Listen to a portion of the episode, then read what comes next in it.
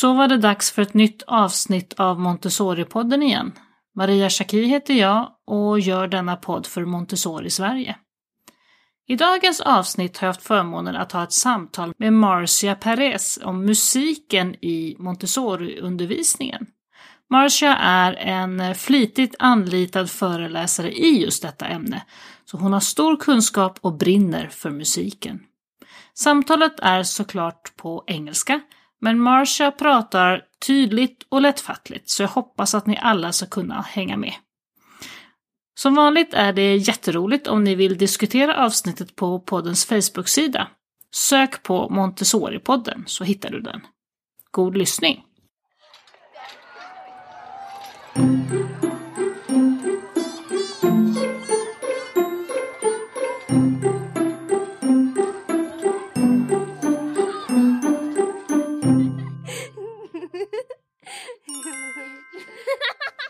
Hello, Marcia, and welcome to the podcast. It's so wonderful to be here, Maria. I, I enjoyed meeting you a few years ago in Lund Yes. at the conference. And uh, just to be having this opportunity is really fun. I'm so happy. Like you said, we met a few years ago in Lund. You were speaking at a conference, uh, and I think the theme for the conference was music and Montessori, right? For the whole conference. Yeah. Yeah. Uh, you are currently in Maryland, where you were working at uh, a Montessori school, correct? yes, still there. So, give our listeners a little background on who are you and your background within Montessori. So, first and foremost, I am from Minnesota.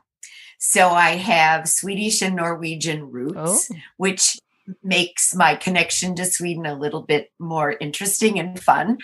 Um, I took the primary Montessori training a very long time ago and taught primary Montessori for about 10 years. I think we should. Excuse me for interrupting, but I think we should just clarify for our listening because listeners because this this might be confusing. When we are talking about primary, uh, we are talking about what we in, in Sweden would call preschool, meaning the age of three to six. And then when we start talking about elementary, that would be our lower school, grade school, meaning ages six to nine. So primary is preschool, elementary is school. Uh, because I think they might be confused about that. So sorry, you took your primary training? I took my primary three to six training and I taught in the um, preschool for almost 10 years. And during the time that I was in the preschool, I was struck by the bells and became uh, wondered where the curriculum was for that because that was such an expensive instrument. It it's is. obvious to me that Montessori took a lot of time to develop that piece. And um, in just a moment, I'll kind of like refer to that. Um, but so I was struck by that. And one of my trainers was um, Dr. Jean Miller, who um, has a great um, music background. And she also had been doing some significant research on Montessori music. And she had been given permission to get into the archives in Holland and actually do really research this. Mm. And ultimately, she wrote her doctoral dissertation on the music three to six, the bell work. And um, she, you can find many references to her in our Montessori literature. She's just amazing. But anyway, Jean and I started some conversations and and said, you know, there's got to be more out there.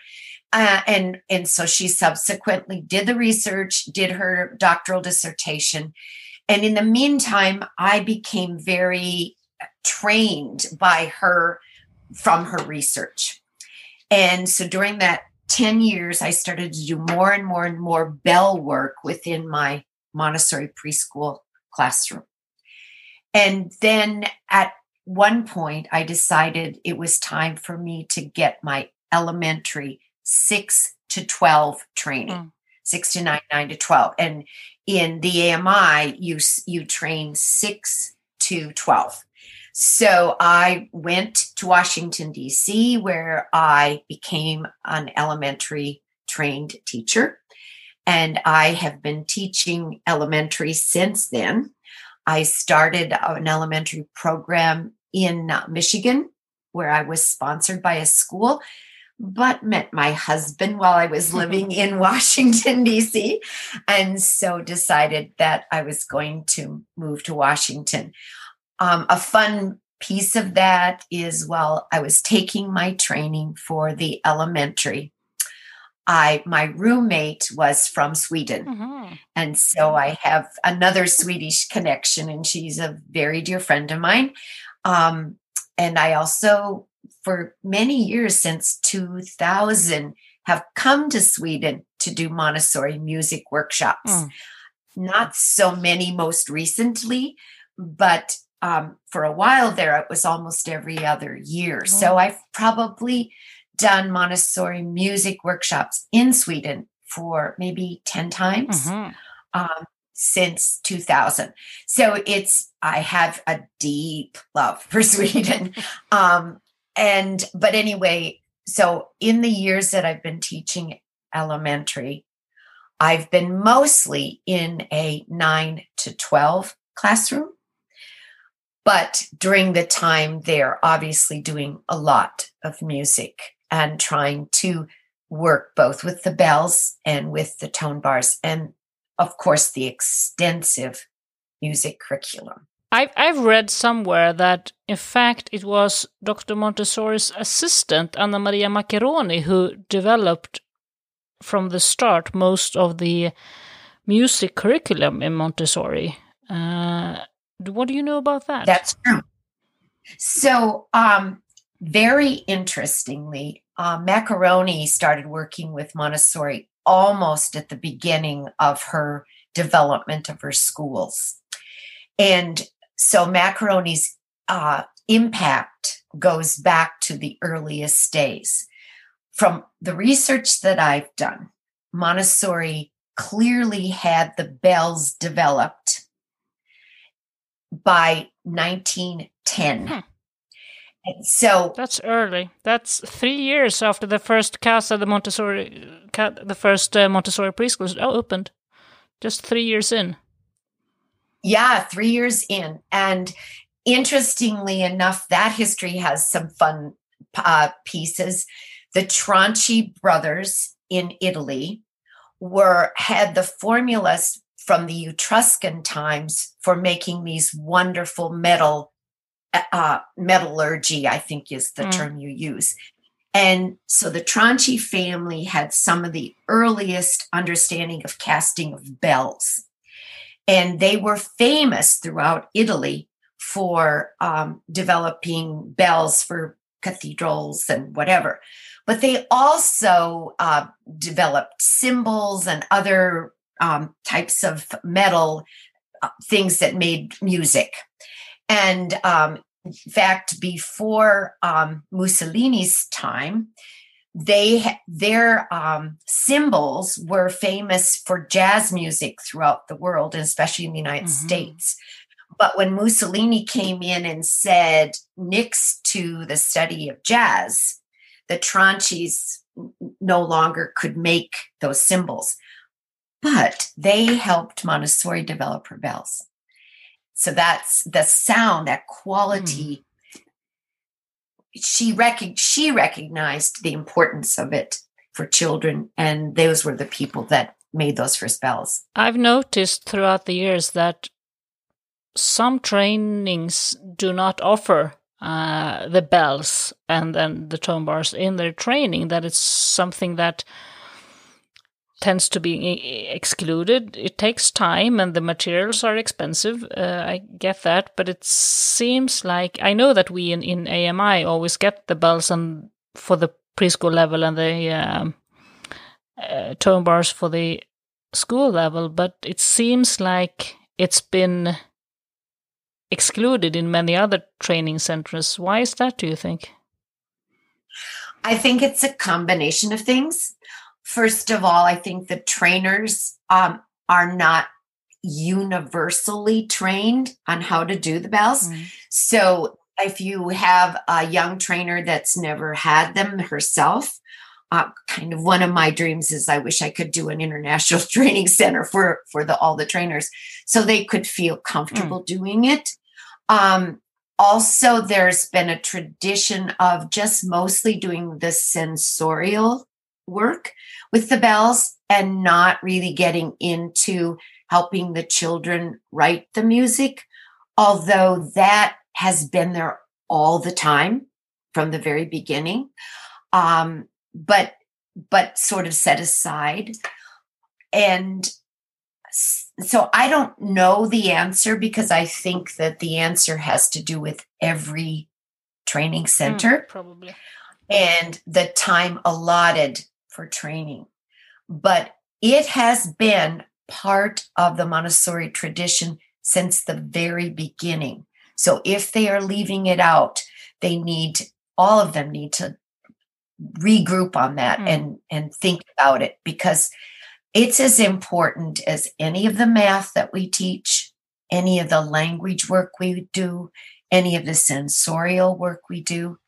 It is key. And why is that? Why is it why why so fundamental? So I think the recent research on developing the child's brain answers that question. And perhaps Montessori, in her keen observation, observed this also. For the very young developing brain, it turns out that beautiful, pure sound engages the synapses in the brain at a much higher level. And obviously, Montessori did not have all the brain hookups that we have today.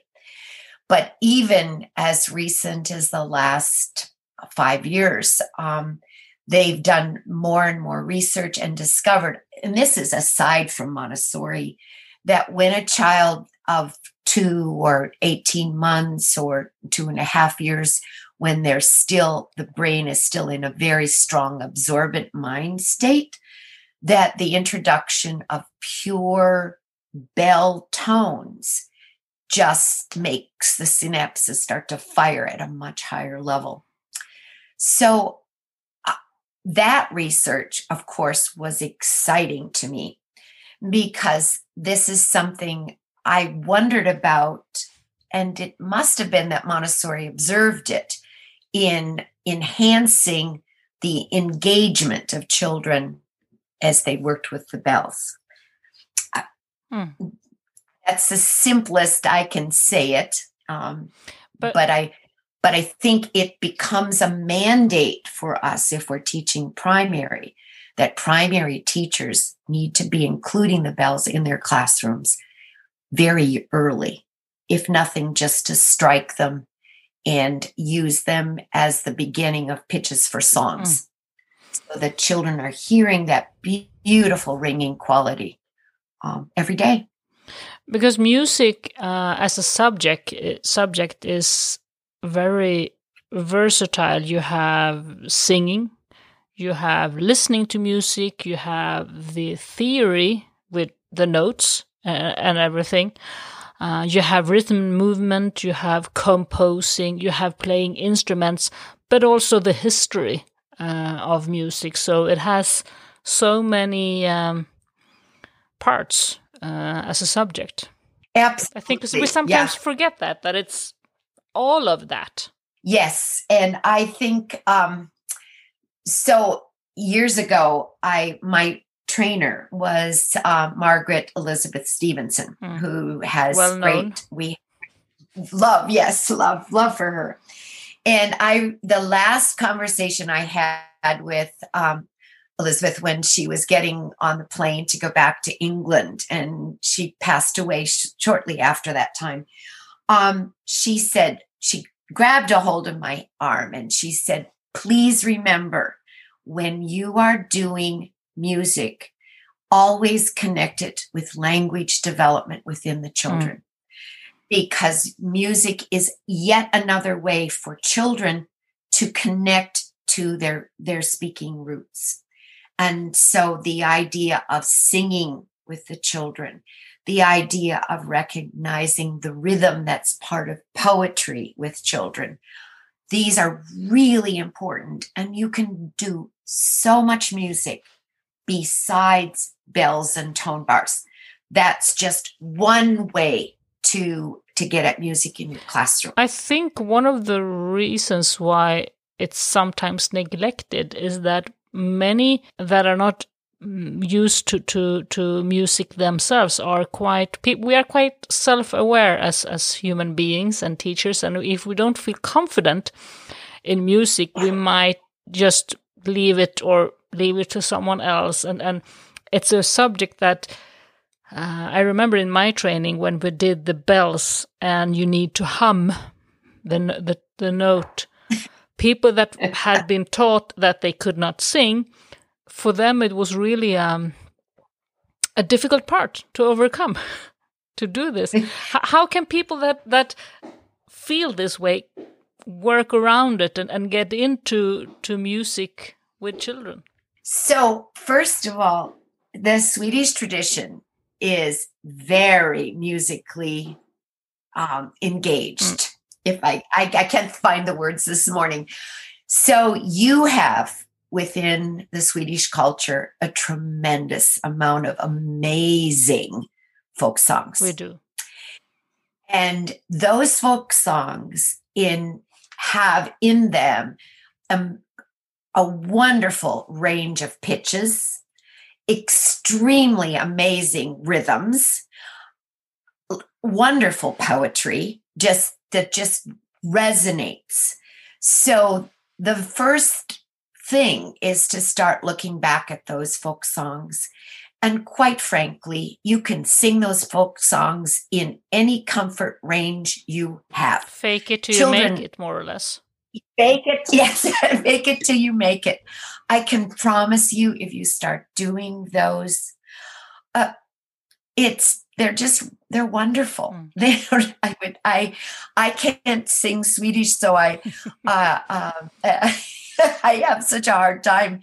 But there's so many songs. Um, Eva, my friend who's Swedish, had sent given me several that I used when I go to Sweden, and I have to have the teachers sing because they um, know the songs and I I don't.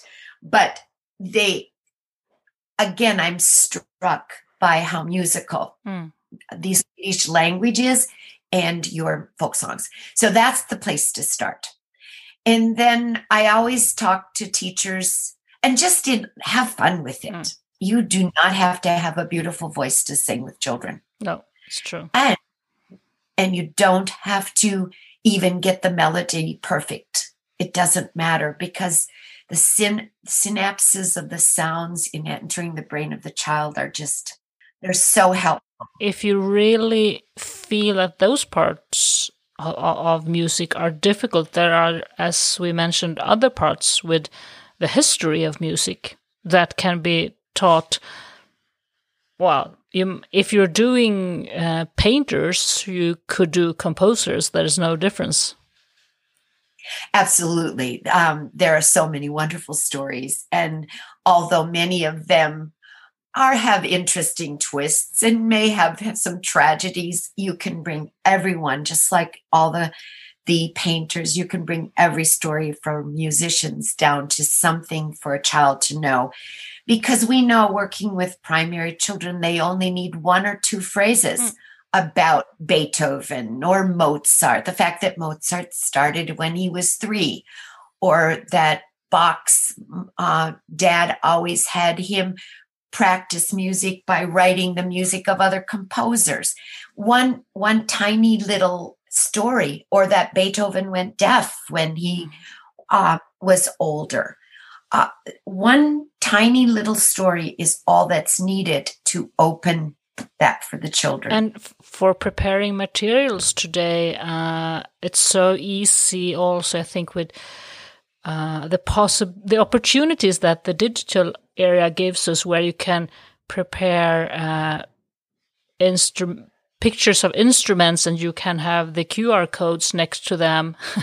and the kids could then just blip a code and then get to a clip of what this instrument sounds like. You don't have to push, have a, a CD player and press towards track number five to hear the oboe. You can just have the QR code and go, okay, so this is what it sounds like. It's very easy to present materials like that today. Yes, uh, and I think my only caution to teachers is that they make sure they've got good speaker systems yes.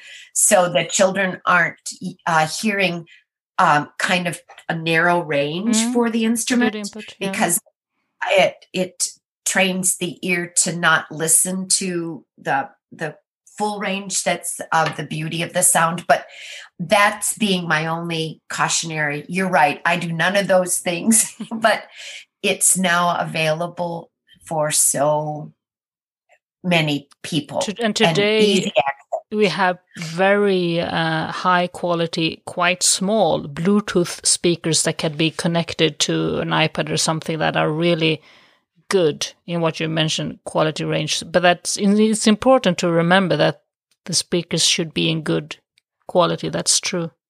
Otherwise, it gets distorted and and uh, doesn't make the musical uh, experience justice. No, and I mean that's been a problem. Reproduction mm. of sound has been a problem for a long time. I, the man who invented the cassette was just passed away um, this week, and uh, one of the things he always said was he he uh, felt bad because the quality reproduction for cassette was never as good as he knew it needed to be. But that said, cassettes opened up a whole world they to did. us. And so I think you're right. The computer does, and and it's the it's for us to have good, decent speakers to do the reproduction. So if you don't have access to the bells and the tone bars, I mean, they are, as we know, a fantastic materials, but but also quite expensive. So there, if we have teachers that are not at schools that have yet to buy them, what can you do? Uh, what how what materials can you use and how to work in daily life with music? I think if we start with the youngers, the toddlers, what would you do music wise in a toddler group? Well, I first of all I would look for a good xylophone mm. um, that could play the C major scale. Because if you can play C, D, E, F, G, A, B, C, um, in Swedish, you still use solfeggio, do, re, mi, fa, sol, la, ti, do. We say C, D, E. We don't use that. Okay, good. I, I tried it when I go to Sweden. I try to do both mm. because some talk to me about that. No, usually but we do the CD, etc. Yeah, which is excellent because that becomes universal. So when you are playing, uh, uh, doing a Swedish song, for example, if you strike that instrument to start the song so you can start on the same pitch mm. every time. Um, that's really helpful because then the child hears that and then they recognize the music connecting to actual pitches. So that's one one way to solve that problem. Mm. And there's quite very inexpensive um, xylophones available. Now, I use the term xylophone. Um, if you have Orff instruments, a xylophone is usually uh, wood wooden bars, mm-hmm. but in reality, that term is very generalized, and I think you want to have uh, good metal bars mm. um, if you can, and um, but so that you get the ringing sound the best possible. So that's one way to start. You don't need that, but having something that they're going to hear that beautiful ringing mm. quality it is quite helpful. Um, a small electric keyboard too, although those sounds don't aren't always that nice. Um, but that's also something you can do. Really, in Montessori's day, uh, they didn't have access to instruments in every classroom. She actually talks about creating um, a paper keyboard that shows the C major scale Mhm. with sharps and flats, the black notes and the white notes, just like the first octave in the piano. So that I that's kind of always interesting where children played that and could think the sound in their mind, which so you kind of do what you can find Mm. to get started on that. But the most important thing is singing. Yes. Singing with the toddlers. Yeah. And Montessori gives us um, a piece of material called the white boards. If you look at them in the Montessori catalog, and those are 16 patterns for the arrangement of pitches. And that's a wonderful place to start too, because you can teach those to children, whether you have the bells or not, if you know how to start with the first pitch, Mm. which is C. Um, so focusing on pitches and then also learning some clapping or rhythm patterns, four beat patterns, those those two things can be done with without the bells. Mm. They can just be sung. Would you, in a toddler group, talking about the xylophone and uh, and so on, uh, and then obviously when you sing in tod- in toddler groups, you can have small musical instruments like the small eggs and, and, and things like that. But would you leave um, an instrument like a nice piece of xylophone uh, to the children in the toddler group, or would you keep it for the teacher? I think when you're talking toddler, Mm. you're talking three No, zero to three. Zero to three, right? Well, or one to three in Sweden. Yeah, yeah, yeah. Well, then pretty much those things would probably be up for the teacher to use.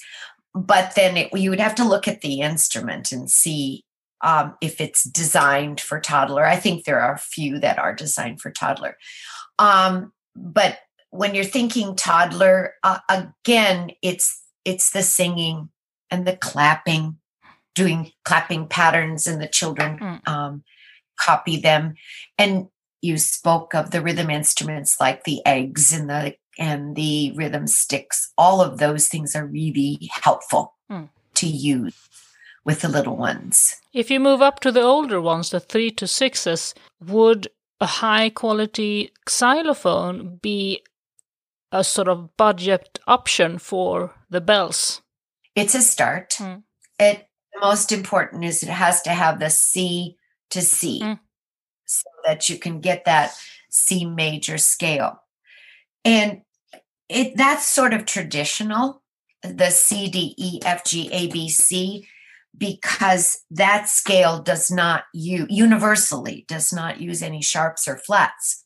So it's it's really easy to use it as the pattern for future understanding. What more would you do uh, with the three to six music wise? So again, singing, poetry, movement Mm. on the line, working with the walking on the line.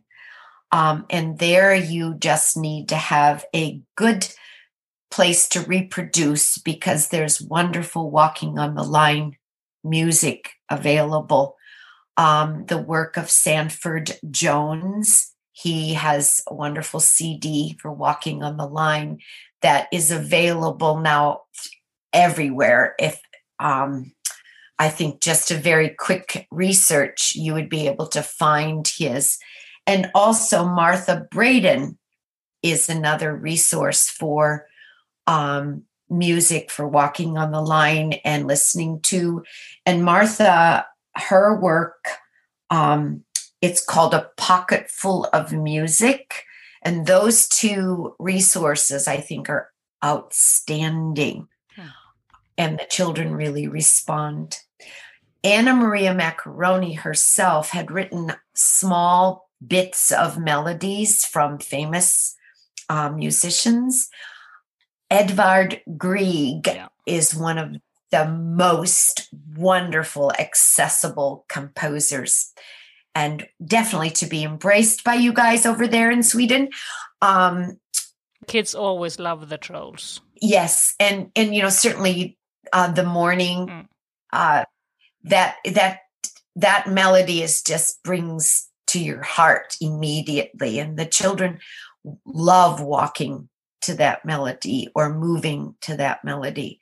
So, as you're a teacher, you can kind of begin to expand out and find things that re- resonate for you, and then use those in your classroom for movement um, also. How do you feel about having sort of background music, like a sound, yeah, just ambient sound, listening passively? I've noticed that some teachers sort of put on soothing, nice music in the morning when the children come in, like a background, like a cafe thing.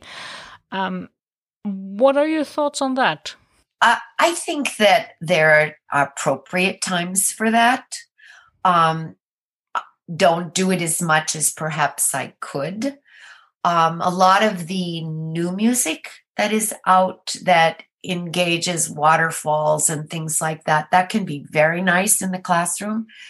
Um, I wouldn't think to do it all the time, mostly because I think when I'm children are doing music, I want them to listen. And if it's just sort of always there, it doesn't have that same engaging quality, but there's nothing wrong with it. Um, and for some children, it really settles them down and brings them to kind of focus. So I think teachers need to do it based on what they see and the reaction from the children. I think there's a very clear line between that and introducing a piece of music that you talk about the story and then you listen so that the music has um, a direct connection to intellectual knowledge, knowing of something, a composer or a story that's part of the music. So I think you need a little bit of a line there. Um, when we're studying, for instance, when we're studying Bach, I'll say, today I'm going to play Bach for a while. Mm. Uh, I don't do it all the time though, because some children can be um, not as focused. It's it, it just depends on the children. Um, I, I would be one of them. I've no, I mean noticed that some people tend to work better and write better and with some background music on. I am not one of them. I've noticed. uh, so everybody's different. Yeah. So you kind of like gauge it with the children. I um I had an opportunity uh, last year to teach primary, and I hadn't done that in I don't even want to tell you how many years. And I found that it was very nice to put on the walking on the line music when they first come in. And so that the children often went to the line to walk first and then they started settling in. But then I didn't keep it on all, all morning long. Mm. I, I would like to say something about classroom lines. Mm, yes, please. Um, they they should be elliptical, um, and they should be big enough so that when children are moving, they have quite a bit of space between the curve and the next curve because uh, if they're too small, it just interests the children to run in that space and and become airplanes and turn corners fast and all kinds of stuff like that.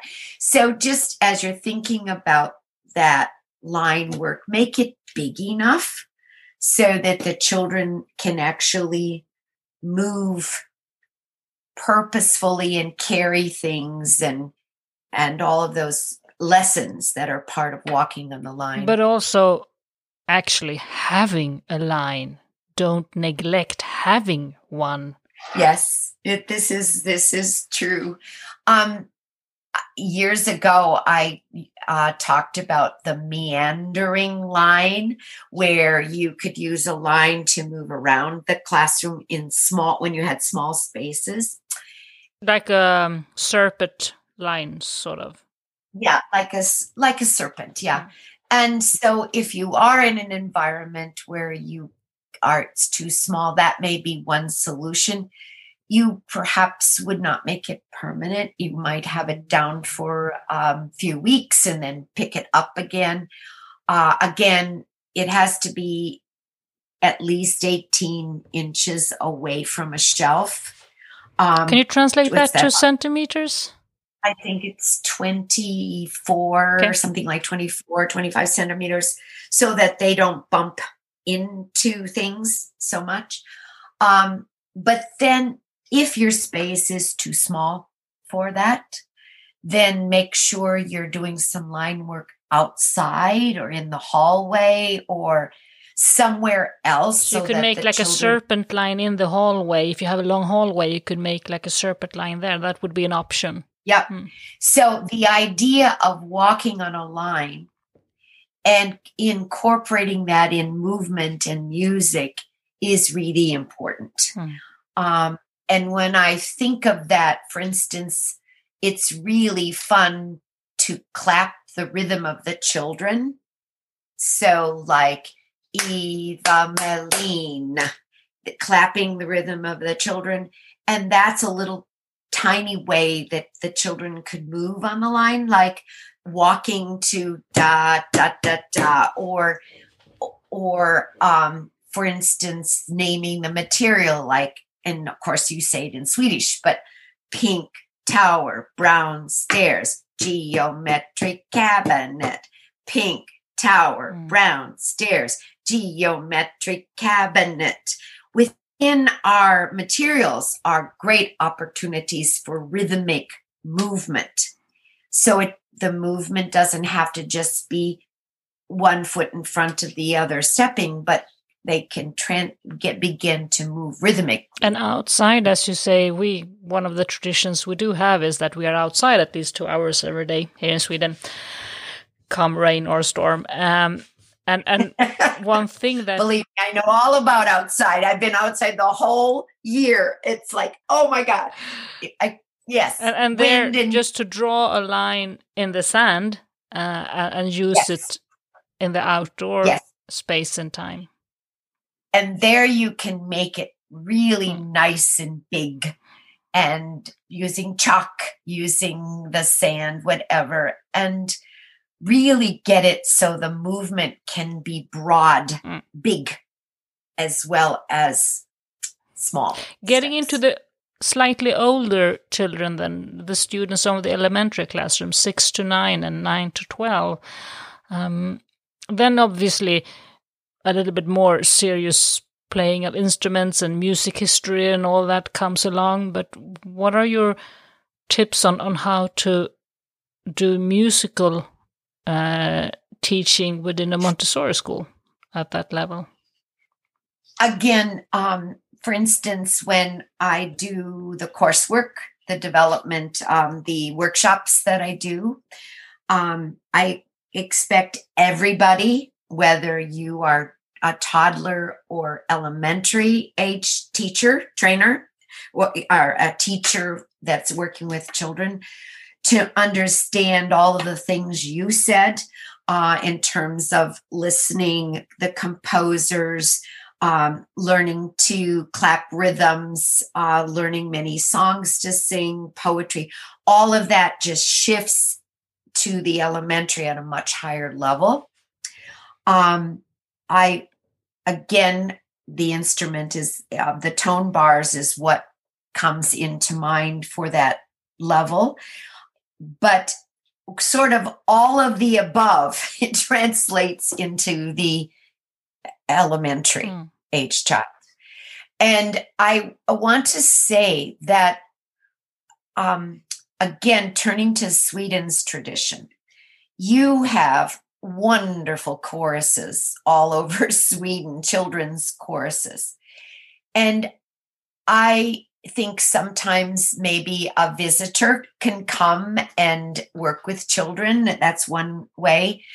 But I want to say that children are capable of learning very complex songs very easily.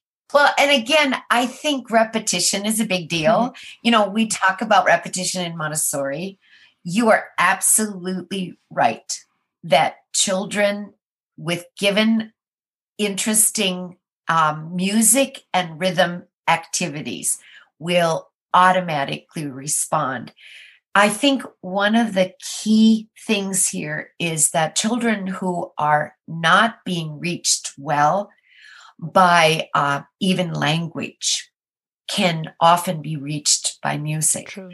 And you can bring children along that have quite challenging difficulties with your work in music because it it uh, engages the child on different parts of the brain that maybe their speech centers are not as well developed.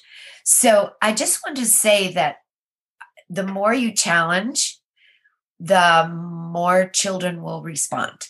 True. And can do very difficult things. I, I just finished outdoors in the wind, uh, 30 degrees Fahrenheit last Friday. To, now, this week was 80 degrees in Maryland, but I chose the windiest, coldest day of the year to do finally our outdoor program.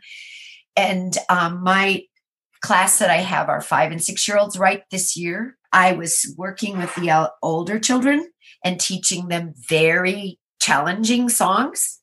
My five and six year olds learned those songs um, in about two weeks. Hmm. And we're talking high school level singing songs, really, really challenging things. And I was struck by how easy they learned very difficult stuff that was written for high school. So th- I guess I shouldn't speak too much about that, except for to say that if you challenge and bring those things out to your children and give them opportunity to learn it, they will shock you. I think uh, in the preschool level, three to six, all the teachers are used to having music incorporated in their everyday life in the classrooms in the materials the the the circle time everything. But then sometimes when you get to school and the older the children get the more you have the music classroom with the assigned music teacher where you go and play the instrument etc how can you what can you sort of keep within the classroom and how can you still make make sure that you have some music within the classroom uh, when you have that? Because those in many of these schools i think uh, the music teacher might not be as montessori trained. So what should you sort of do within your classroom to to boost the montessori part of the music training well i think first you should look at the Advanced Montessori Method books, volume one and two. There's a lot of music in there, and just start looking at it because um, once the children know how to physically write the C major scale, they can make their own music and write their own music. And um, of course, in our school, we still, have bells that have been in our school for over 45 years. Wow. So I just want to say something very briefly about that. If you take care of those bells and treat them as if they are china, um, you can keep sets of bells for many years in the life of a school. Mm. Um, I have gone into schools where they say in their attic they have, you know, eight sets of bells, brought them out and looked at them and started to just fix them a little bit here and there. And bells that would cost $1,200 US um, could be replenished and in use in classrooms. The other point to me is that once you invest in that, they can have a life in your school for hmm. many, many, many, many That's years. True. I have eight sets of bells at our school. And again, many of them date back to 1968 hmm. when Charlotte started the school. And those bells are still usable now with care. Hmm. So, you know, if you invest that money, it's not like it's just for next year but teachers need to take a very serious look at being presenting it carefully. Mm. treating it nicely um, so that they're not getting broken fast Mm. or anything like that. Um, you could never replace a bell years ago. Now you can. I mean, who's white tick tink? Um, if you miss a bell, if you miss like an F, for example, you just order the uh, brown one and the white one, and you get what you basically what you need. And you can also order the small spare parts like the felt uh, tips and everything, uh, so you can easily fix, repair Y- things. yes. Mm. you can repair them and it, you just need to know a little bit Mm. about how it how the bell is put together Mm, that mm. felt is on the top and on the bottom but again i i want to say we say they're very very expensive but if you get them then it the life for your school may be many many many years um, with care One thing that that sort of struck me when I was doing them in my training was that how similar the process is to reading and writing letters. Yes, it's so true. And and very from three years old, I mean, well, excuse me, uh, four and a half and five year olds, all the way up to way into the elementary. They can learn that and and write their own music. Hmm. It's pretty exciting. So in our our elementary classrooms, we have both bells and tone bars. Mm. because the whole process on sort of writing music and and you have we have the movable alphabet and with the with the bells you have the the symbols that are put out like a movable alphabet. Yeah, uh, so the, so they can write music without actually using the pen. Uh, oh, absolutely. and then to save it for a later day and day then comes the just like with writing the letters you say okay should we save what we have written now uh, and the same Exactly. exactly the same process with with with the notes and the music and when that sort of dawned on me when i was doing my training i thought ah this is no different why are everybody afraid of this it's the same thing Yeah, exactly. In fact, I've when I do the training now, I refer to that box with the pit with the uh, the notes or Mhm. pitches in it, and the C, the G clef, and all of that in the box that you get when you order material from for the bells. Um, I call that the movable alphabet of music because that's exactly what it is. And it's the same, again, goes back to what Margaret Stephenson asked of me. Please be very clear that the process for language and movable alphabet and writing stories for the children is the same in music as it is in language. And so a child who's struggling with language may find the writing in music easier Mm. in the beginning than than with the movable alphabet or vice versa. Mm. So making that parallel I am so excited that you could see it in your training. If each teacher just sat down and thought about it, it could make them enthusiastic to ex- to get deeper or, or, or at least lose their fear Yes. I mean, I was not a math. So for this, you, I get a strong statement. When I started Montessori, I didn't, I was not a mathematician, even remotely. I mean, math for me was really difficult.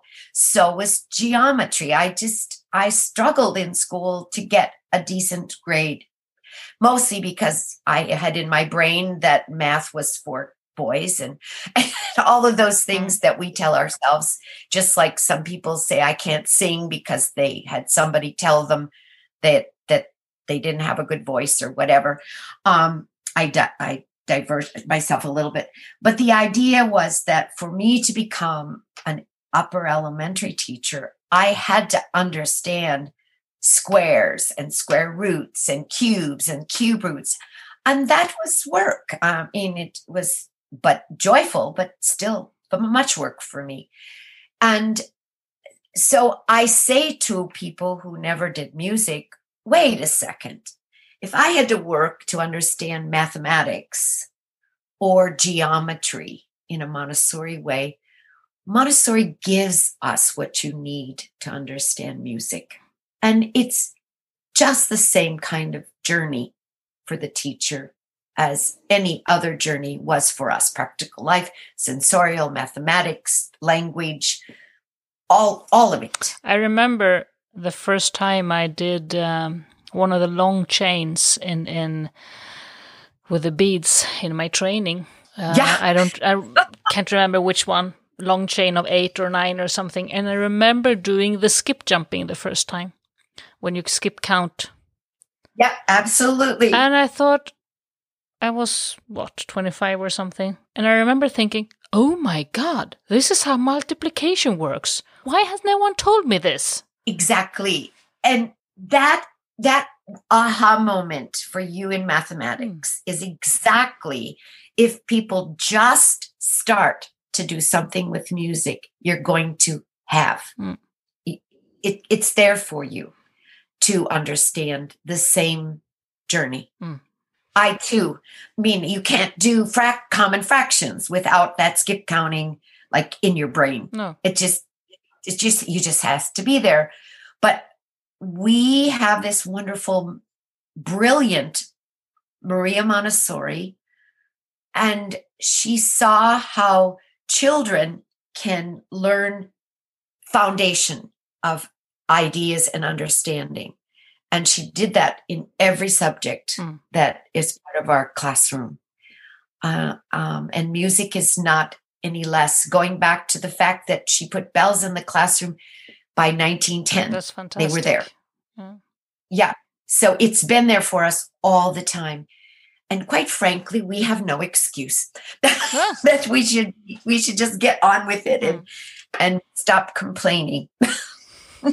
I don't mean really complaining. Yeah, but in a way, I mean, it's just just get on with it. It's and it's in both the Montessori curriculum as well as the national curriculum in I would probably assume most countries and really in in the Swedish curriculum as well, both for preschool and, and school level. So it's just get on with it and and but what i think is many montessori teachers need the the the, um, the stamina to feel that especially when you have a muse a, a, an assigned music teacher and a music classroom you kind of okay whew, i don't have to do that good great thank you yeah uh, and i know i know that too because i uh, our school always kind of had somebody on the outside um, who would come in and work with the older children and do musicals and whatever. But I think that the the key here is that Montessori clearly meant that music should be part of the everyday life of your class. Mm-hmm.